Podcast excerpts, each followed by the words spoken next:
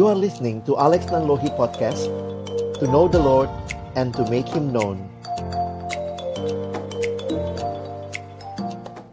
Tuhan, terima kasih banyak kesempatan belajar Tuhan berikan kepada kami. Terima kasih untuk concern yang besar, untuk ibadah yang Tuhan berikan kepada kami. Dan tolonglah bengkel musik malam hari ini kembali menolong kami bisa menyiapkan ibadah online dengan baik.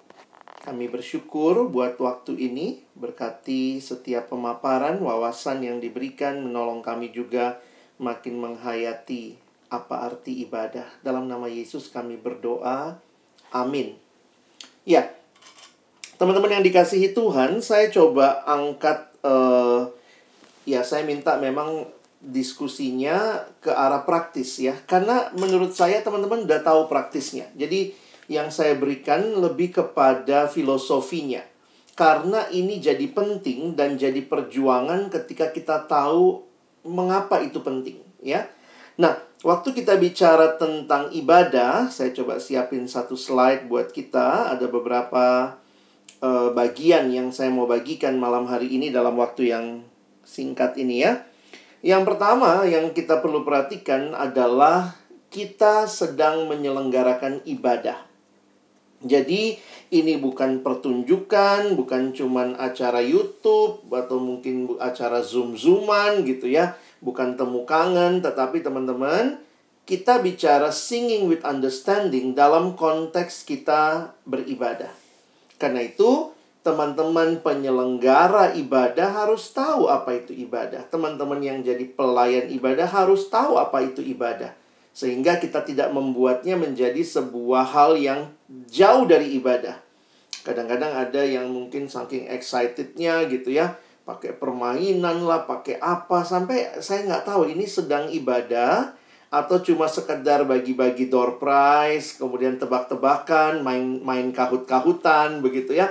Saya pikir kita mesti jelas ini, teman-teman sedang menyiapkan apa. Sehingga kalau memang mau ada permainan, ada ice breaking, harus tahu tempatnya di mana, di dalam atau di luar ibadah dalam arti ada ibadah di mana dikatakan seseorang. Ya, ini sebenarnya konsep umum ketika kita bicara yang benarnya, ya. Saya mau bukan benar dalam arti apa ya, yang lazimnya. Karena sekarang kan kita tidak bisa bertemu bersama, tetapi kita memperjuangkan kehadiran di ruang virtual bersama. Jadi kalau kita perhatikan ibadah yang benar adalah di mana seseorang mengalami perjumpaan dengan Tuhan dalam ibadah bersama. Ya makanya kalau buat saya pribadi saya lebih memperjuangkan Zoom meeting ya. Karena itu ibadah bersamanya lebih dapat ketimbang rekaman. Kalau rekaman itu kita nggak tahu dia aksesnya jam berapa, nanti ada yang aksesnya besok, lusa. Jadi sekali lagi Tuhan bisa pakai semua. Cuma kalau bicara kehadiran, walaupun kita sendiri, tapi kita ada di dalam ibadah bersama. Kita tahu ada orang-orang lain yang bersama kita, dan perjumpaan itu mentransformasi hidup mereka yang hadir. Jadi karena itu kita melihat dalam uh, dokumen Konsili Vatikan yang ditekankan tentang ibadah, hasil ibadah itu adalah perjumpaan dengan Allah. Di mana terjadi dua hal. Allah dimuliakan, glorification, dan umat Allah dikuduskan. Jadi, ini yang menarik untuk kita perhatikan bersama, ya. Saya no problem sebenarnya kalau teman-teman bikinnya lewat media-media uh, ada pakai sosmed, ada kadang dengar Spotify, dengar lihat YouTube, nonton YouTube. Uh, tetapi ya kembali lagi sebenarnya yang perlu dipastikan adalah kebersamaannya. Makanya beberapa gereja misalnya melakukan ibadah bersama itu jelas YouTube-nya itu di on hanya jam segitu sampai jam segitu. Sesudah itu dia take down. Jadi nggak nggak istilahnya bisa diakses jam berikutnya. Dia hanya muncul di jam itu, setelah itu di take down, itu untuk memperjuangkan ibadah bersamanya. Walaupun online di rumah masing-masing, tapi bersamanya itu dapat. Nah, ada beberapa gereja seperti itu di up, sesudah di up di YouTube misalnya ibadahnya jam 9 sampai jam 10. Sudah itu udah dia take take down lagi. nanti baru diposting Seninnya. Seninnya bisa lihat ibadah kemarin, tapi supaya tidak memberikan orang beribadah jam berapa saja. Nah, saya pikir di PMK kita nggak terlalu banyak masalah itu karena rata-rata memperjuangkannya Zoom meeting, ya. Zoom meeting, Google meeting gitu ya. Nah, itu semua bicara kebersamaannya. Nah, apa yang ada di dalam ibadah? Nah, ada fakta yang menarik kalau kita dalam offline sebenarnya. Nah, ini ada fakta ini dalam ibadah, ya. Bahwa 40% ibadah kita kalau offline ya biasanya sekitar 40% ibadah orang Kristen adalah bernyanyi. Nah, ini menarik nih. Waktu kita ke online, saya lihat kita pun masih mempertahankan bernyanyinya. Tapi mesti teman-teman ingat, bernyanyi itu bukan sambilan. Tetapi bernyanyi itu adalah dalam rangka ibadah. Nah, jadi memang kita melihat dalam, kalau kalian belajar tentang ibadah, dalam sejarah worship, memang yang paling dasar di dalam ibadah itu biasanya kalau kita lihat gereja itu bicara pelayanan firman dan doa dan sakramen tetapi juga ujian. Jadi saya pikir itu uh, pelayanan sabda dan doa biasanya disatukan, lalu yang kedua yaitu uh, pujian. Ini yang hampir semua gereja atau bahkan semua gereja mengakuinya sebagai ibadah. Di beberapa gereja kita juga melihat ada yang nari, ya, ada yang pakai tari-tarian tetapi yang paling basic sebenarnya dalam ibadah cuma dua itu ya. Pelayanan firman dan doa, sakramen, dan worship. Dan uh, pujian. Nyanyian. Nah, nyanyian sendiri teman-teman mesti pahami. Arti bernyanyi. Bernyanyi itu suatu nyanyian terdiri dari dua hal ya. Teks dan nada. Jadi ini perlu kita ingat dan kita pahami teks dan nada adalah sebuah kesatuan. Makanya kita lihat teman-teman tadi bilang ya gimana nyiapin musiknya bagus, jelas, kata-katanya kalian pikirin bagaimana supaya PowerPoint teksnya itu juga bagus tidak. Saya lihat ada beberapa kan yang ambil lagu-lagu di YouTube ya. Ya beberapa kalau ambil lagu di YouTube tuh biasanya kan model karaoke. Nah karaoke itu kan kalau sinyalnya rada lemot, yang nangkep itu lagunya udah pindah, tapi kata-katanya belum begitu. Dan itu kan kadang-kadang menurut saya jadi menghambat juga, apalagi kalau orang nggak tahu lagunya. Dan jangan lupa, kita sedang bicara ibadah jemaat nih. Berarti kita berharap orang real time ikut nyanyi. Kira-kira begitu. Nah, makanya kita mesti pikirin tuh. Bagi saya lebih baik nggak usah ambil videonya, kalau perlu ambil saja soundnya, musiknya, lagunya, orang itu nyanyi, dan kalian bikin sendiri slide-nya. Slide-nya kalau bisa ya jangan kayak karaoke, keluarnya satu kalimat, satu kalimat. Keluarnya aja satu bait misalnya ya. Jadi supaya orang bisa lihat dan ikut nyanyi. Terus kita next, orang bisa ikut juga. Ya, jadi kalau kayak karaoke itu di, di online begini telat ya jadi kayak orang ketawa padahal uh, joke-nya sudah setahun yang lalu baru ketawa sekarang gitu ya. Itu jadi aneh. Nah, poinnya yang saya harus ingatkan buat teman-teman ini ya, kita menyelenggarakan ibadah. Dalam ibadah itu salah satu faktor pentingnya adalah nyanyian. Dan menariknya bahwa nyanyian ini ya yang terdiri dari teks dan nada ini saya katakan sebagai salah satu bentuk komunikasi iman kita. Di samping doa dan firman juga, membaca firman, berdoa itu juga bentuk komunikasi iman. Teman-teman bisa perhatikan di ibadah kepercayaan lain. Misalnya ibadah dari saudara-saudara kita yang lain imannya, mereka dalam ibadahnya itu nggak nyanyi. Bener ya? Mereka cuma doa. Bisa lihat kan? kepercayaan tertentu, ya mereka cuma doa. Yang pakai nyanyi itu kita yang Kristen. Dan jangan lupa, nyanyi itulah ibadah. Contoh. Jadi ketika MC misalnya berkata, mari kita memuliakan Allah. Mari kita memuji Allah. Apa yang dilakukan? Nyanyi. Terpujilah Allah, hikmatnya besar jadi memuji Allahnya di mana? Di lagu itu. Waktu nyanyi lagu itu. Jadi kalian bisa bayangkan ya, kalau betul kita lihat 40% ibadah Kristen itu pujian, begitu pujiannya nggak disiapkan, MC-nya nggak persiapan dengan baik, pemusiknya nggak persiapan dengan baik, 40% ibadah nggak dinikmati. Kenapa? Karena itu ibadahnya. Jadi bukan begini. Mari kita puji Tuhan, terus kita teriak, puji, puji, puji, puji. Bukan begitu. Puji Tuhannya itu dengan nyanyi itu, itu yang puji Tuhan. Mari kita mengaku dosa di hadapan Tuhan. Apa yang kita lakukan?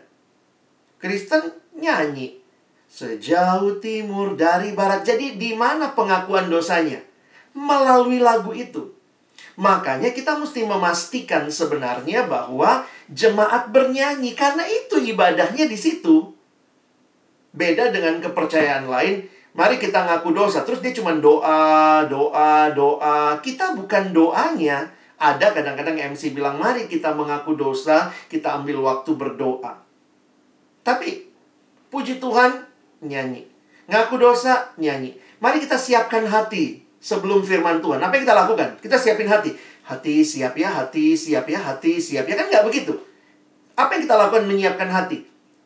Mari kita bernyanyi. Firmanmu pelita bagi kakiku. Jadi menyiapkan hatinya lewat lagu itu. Ibadah kita itu nyanyi. Nyanyi itu ibadah. Tidak nyanyi, ya sorry itu saya tidak ibadah berarti. Nah, karena itu perjuangan kita para pengurus adalah menolong jemaat bisa bernyanyi. Aduh bang, lagi online begini dia matiin cam dan segala macam. Ya, sama kayak anak kecil lah ya. Makan itu duduk di situ.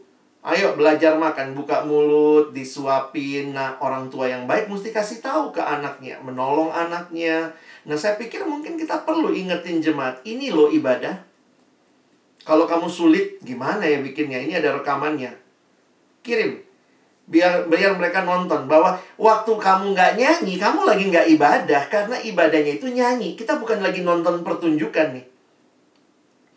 Ibadahnya itu mari kita bersyukur kepada Tuhan nyanyi. Mari kita siapkan hati puji Tuhan eh, mendengar firman nyanyi. Mari kita meresponi firman nyanyi. Mari kita tutup persekutuan kita kita kembali dalam hidup kita sebelumnya kita naikkan pujian nyanyi jadi jangan melihat ini cuman sekadar pelengkap. Paling penting firman. Nanti nyanyi ya cuma nganter-nganter aja lah untuk jadi apa yang teman-teman perjuangkan tadi yang kita diskusikan di awal itu punya sebuah dasar teologis yang kuat. Kenapa? Karena ibadah Kristen akhirnya saya lihat yang paling fokus adalah sakramen firman Tuhan dan doa dan juga pujian. Beberapa gereja bentuk komunikasi imannya ada yang nari, ada yang pakai bendera, tapi begitu online baliknya kepada apa? Firman, doa, lagu. Itu ibadah kita isinya tiga itu. Firman, doa, lagu, firman, doa, lagu dan sebenarnya sama ya dasarnya firman karena doa adalah respon terhadap firman dan lagu adalah ekspresi daripada firman. Nah, bisa dipahami ya? Sehingga teman-teman kamu sedang memperjuangkan hal yang tepat dan perlu didik jemaat. Gimana cara didiknya? Ajarin, kasih video, kasih tahu, mungkin ajakin. Nah, tentunya kita bisa mendorong mereka, tentunya nggak maksa ya. Karena sebenarnya pujian kepada Allah harusnya lahir dari hati yang memang mengenal siapa Tuhan. Jadi setelah setahun kita ibadah macam begini, teman-teman perlu evaluasi juga nih ya. Perlu nggak ya kita kasih pemahaman apa itu ibadah kepada teman-teman kita sehingga mereka berjuang ikut nyanyi. Kalaupun nggak nyanyi, gimana? Ya mungkin dia bisa melakukan beberapa hal lain. Nanti saya coba share ya. Nah, karena itu lagu itu penting. MC perlu pahami, seksi acara perlu pahami lagu di dalam alur. Kalau kemarin kalian belajar alur, maka dalam alur itu bagaimana lagu dipilih sesuai alur dan tema. Jadi mungkin kalau bisa kombinasi bukan cuma sesuai tema ya, sesuai alur. Nanti alurnya bisa lihat ya ini sedang apa. Dan lagu itu minimal ada empat hal ya. Misalnya yang pertama lagu itu bisa isinya Allah berbicara kepada umat. Jadi perhatikan tuh, singing with understanding, dengar, lihat lagunya. Ini lagi bicara siapa ngomong sama siapa. Nanti ada juga lagu yang isinya umat bicara kepada Allah. Ada juga lagunya umat berkomunikasi di antara sesama. Hari ini kurasa bahagia. Nah, mungkin kita bisa bilang, mari teman-teman buka camp sebentar. Kita mau menyapa, paling nggak kita lihat ya. Sambil kita memperhatikan, kita bicara kepada teman kita. Jadi, sebenarnya dalam ibadah itu bukan hanya vertikal, tapi juga ada horizontal. Dan juga ada yang terakhir sebenarnya ya, umat berbicara, berkomunikasi kepada jiwanya sendiri. Nah, lagu-lagu pengakuan dosa gitu ya. Nah, itu kan kepada diri sendiri. Sehingga saya pikir begini. Teman-teman yang jadi seksi acara, pengurus, yang nyiapin acara harus belajar ya. Kalian yang memulai singing with understanding dalam alur ini kita lagi minta jemaat ngapain? Ayo kita puji Tuhan. Jadi buat saya kata-kata MC nggak perlu terlalu panjang, asal dia jelas. Ini lagu, mari kita nyatakan kepada sesama. Karena lagu ini lagi menyatakan kepada sesama. Mari kita muliakan Tuhan. Cukup itu ya, nggak usah. Jadi saudara-saudara, mari kita muliakan. Aduh, panjang juga. Orang juga udah nggak tahu ini. Kalau kalian bisa langsung jelas lagu ini, kita memuliakan Tuhan, maka arahkan. Teman-teman, mari muliakan Tuhan. Lagu ini ucapan syukur. Teman-teman, mari kita bersyukur kepada Tuhan. Lagu ini bicara kepada saudara seiman. Mari kita katakan, di wajahmu kulihat uh, kulihat Tuhan gitu ya. Kulihat di wajahmu kemuliaan Raja. Kukasihi kau dengan kasih Tuhan. Nah, jadi sebenarnya apa yang kamu ngerti dari isi lagu akan mempengaruhi. Nah, mungkin bagian terakhir, gimana dalam masa online kayak begini ya? Karena yang hilang itu itu corporate worship ini. Ya, corporate worship itu salah satunya menarik adalah begini. Kita bisa mendengar orang bernyanyi. Itu yang terjadi kalau kita ibadah bersama ya. Jadi kita nyanyi, tapi yang menarik juga waktu kita nyanyi sebenarnya kita juga mendengar orang lain bernyanyi.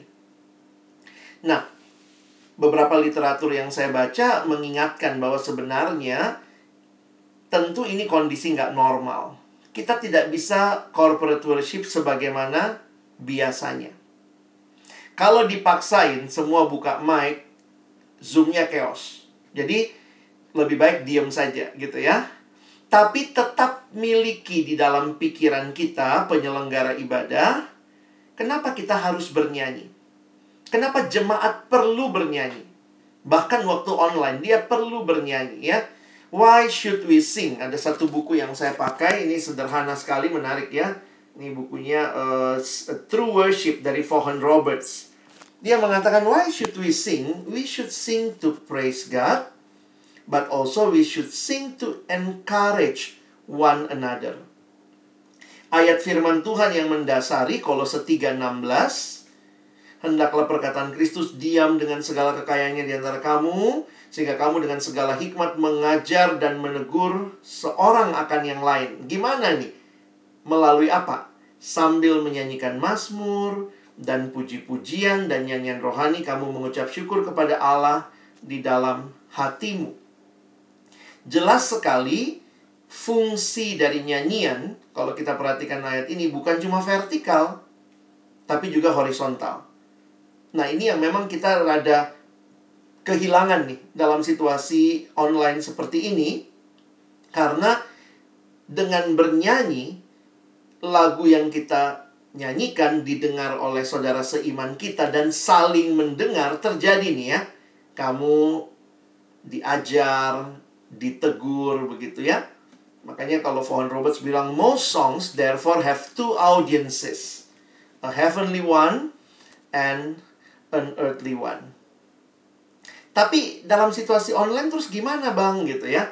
Nah saya tetap melihat pastikan aja bahwa semua yang ikut ibadah ikut bernyanyi. ya kita masih dengar lah ya walaupun nggak dengar suara semua teman kita minimal suara singer atau YouTube yang diputar. Nah saya juga usulkan carilah eh, lagu-lagu yang dinyanyikan lebih bersifat jemaat kadang-kadang kan kita mungkin karena seneng nih YouTube-nya lagi bagus gitu kita ambil lagu yang terlalu banyak improve-nya gitu ya. Jadi orang yang baru kenal lagu itu tuh nggak tahu versi aslinya. Nah memang ada yang namanya versi nyanyian jemaat. Jadi memang kelihatannya lebih kaku lebih standar tapi lebih bisa diikutin.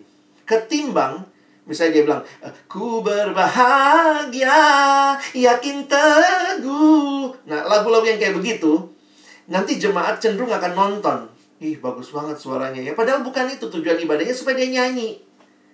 Dia nyanyi gimana kalau dia tahu dia pun makanya ada lagu-lagu yang mungkin kesannya lebih himnal, lebih standar, tapi itu itu formatnya nyanyian jemaat. Jadi semua orang bisa ikut. Bukan yang suaranya bagus atau yang bisa improve ah, gitu ya. Nah, itu yang saya rindukan di dalam situasi online teman-teman memperjuangkannya, jemaat ikut bernyanyi.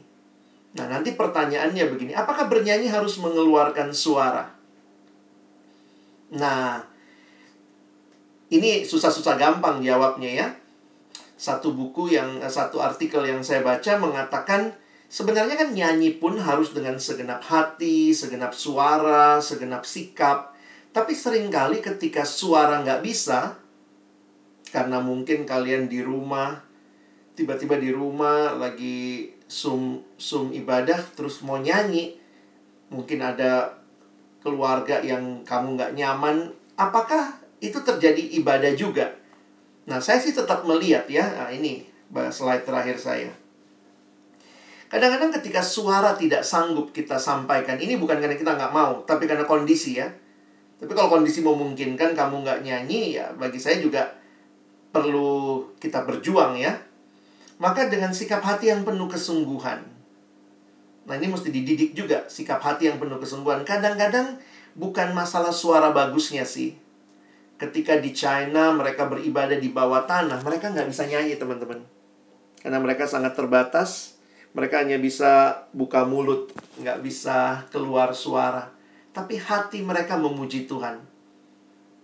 Nah, kadang dalam situasi seperti itu, ya buat saya ya no problem.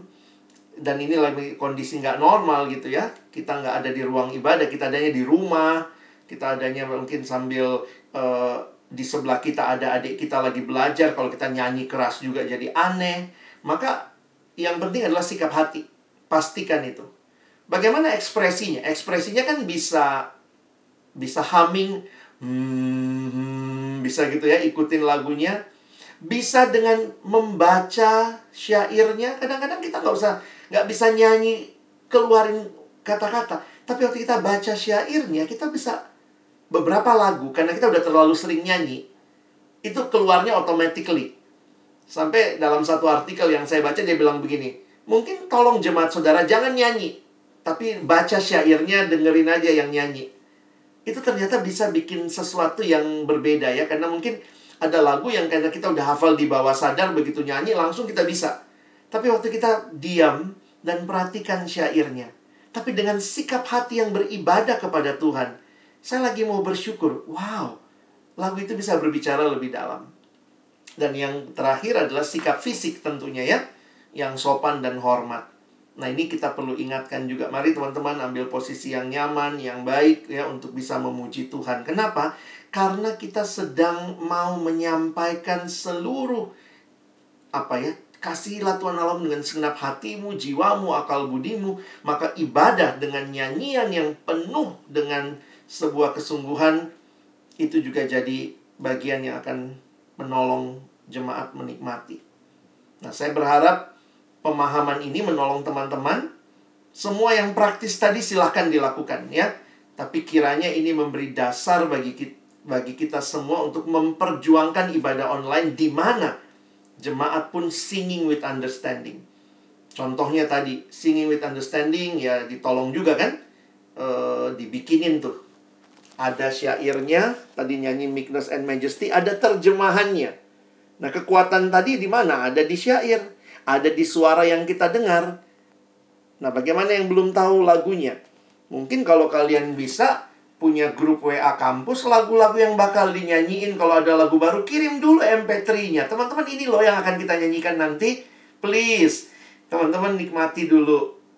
Nggak apa-apa dong, emang kayaknya emang MC tuh mau mempertunjukkan, nih, saya punya lagu nih, kamu nggak tahu kan? Enggak kan, kita mau orang bernyanyi bersama, beribadah. Jadi, mungkin kalau lagu baru kita send duluan begitu ya.